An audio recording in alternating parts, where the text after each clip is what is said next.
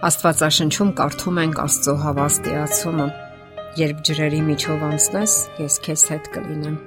Երբ անցնես գետերով, դրանք քեզ չեն ողողի։ Երբ քայլես կրակի միջով չես այրվի, եւ բոցը քեզ չի լափի։ Մարդն իր ողջ գիտակցական կյանքում ձգտում է երջանկության, սակայն որքան էլ դա տարօրինակ լինի, քչերն են այնուամենայնիվ իրենց իսկապես երջանիկ համարում։ Որն է պատճառը։ Հիշենք մեր մանկությունը, երբ երեխա էինք, որքան երջանիկ էինք։ Մենք կարողանում էինք ուրախանալ ամեն ինչով՝ մեր ծնողներով, ընկերներով, այգիներով ու կարուսելներով։ Իսկ ծննդյան տոներն արդեն մեր երջանկության գագաթնակետն էին։ Մենք իսկապես երջանիկ էինք։ Սակայն մենք մեծացանք, շատ բան փոխվեց մեր կյանքում, եւ հանկարծ նկատեցինք, որ երջանկությունը ցանկալի հյուր է դարձել Ուշ կորավ մեր երջանկությունը։ Ինչու մենք դարձանք մռայլ ու դժգոհ, փնթփնթան։ Սկսեցինք մեղադրել ամեն ինչին ու ամեն մեկին։ Ինչն էր պակասում մեր կյանքում։ Միգուցե մենք սխալ նախասիրություններ ընտրեցինք մեր կյանքում։ Ինչու ենք ապրում մռայլ ու վհատ հրաշքների աշխարհում։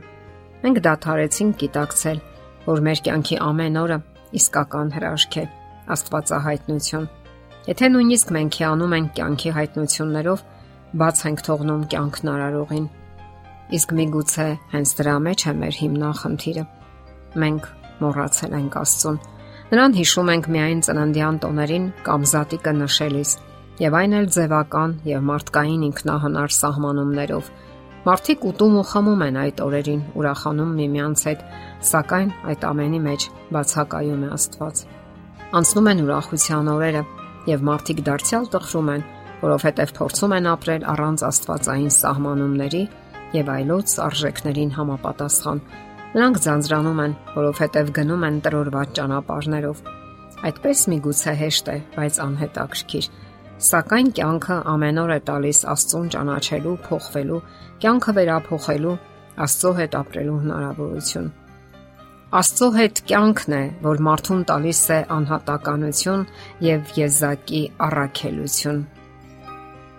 Այդ ժամանակ շատ ավելի հեշտ է հասկանալ, թե ինքն իրեն, թե Աստծուն, քան թե ամեն ինչում մեղադրել աշխարհին ու մարդկանց։ Քրիստոնեական կյանքը վերափոխված եւ կատարելության ձգտող կյանքն է կատարելություն ամեն ինչում։ Անկասկած է, որ մենք երբեք կատարյալ չենք դառնա, սակայն ձգտել կարող ենք այնքան ժամանակ, քանի դեռ ցանկանում ենք եւ ջանքեր թափում։ Ապրել Աստծո հետ նշանակում է ընդունել այն նորություններն ու փոփոխությունները, որ առաջարկում է Աստված։ Իսկ նա միշտ առաջարկում է լավագույնը, այն, ինչ անհրաժեշտ է հավերժական փրկության համար։ Դա նշանակում է պատրաստ լինել ընդունելու կյանքի նորությունները, ապրելու նորովի։ Յուրաքանչյուր նոր օրը յուրովի է բացվում Յուրաքանչյուր նոր օրը Աստվածային մի նոր հայտնություն է։ Կյանքը գեղեցիկ է իր բազմազանությամբ, իր պայծառ գույներով։ Այդպես էր մտածում Իսրայելի Դավիթ թագավորը, երբ գրում էր. Ճանաչեցեք, որ Տերն է Աստված։ Նա է մեզ արարել եւ ոչ թե մենք։ Մենք նրա ժողովուրդն ենք եւ նրա արոտի ոչխարները։ Երբ մարդը Աստծո հետ չէ, տխրում է։ Երբ մարդը չի ճանաչում իրեն ստեղծող էակին, նա չի կարող գոհ լինել կյանքից։ Աստվածաշնչում կարդում ենք.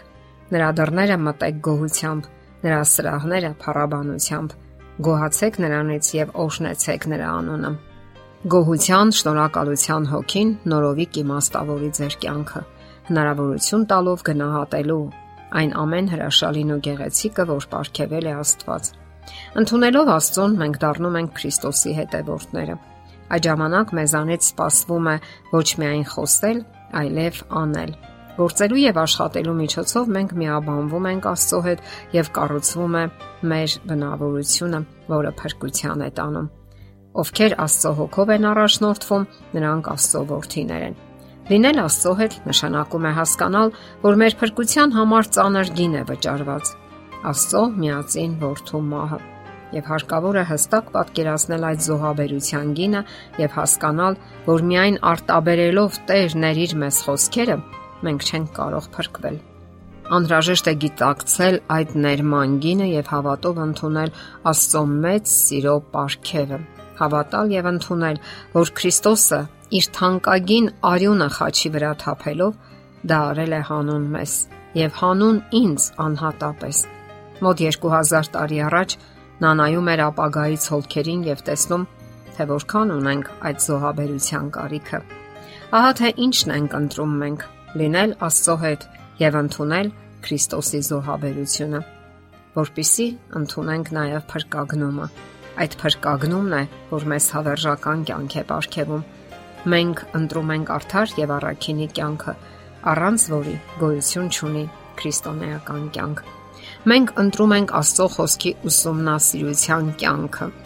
աղոթքի կյանքը, եւ այդ ամենի հանրագումարը Աստվածային փրկությունն է եւ հավերժությունը։ Ընտրելով Աստծո հետ միաբանությունը, մենք լուրջ ընտրություն ենք կատարում, պատասխանատու եւ պարտավորեցնող ընտրություն, որ հավերժական կյանքի գրավականն է ու երաշխիքը։ Եթերում է ղողանջ հավերժության հաղորդաշարը։ Հարցերի եւ առաջարկությունների համար զանգահարել 033 87 87 87 հեռախոսահամարով։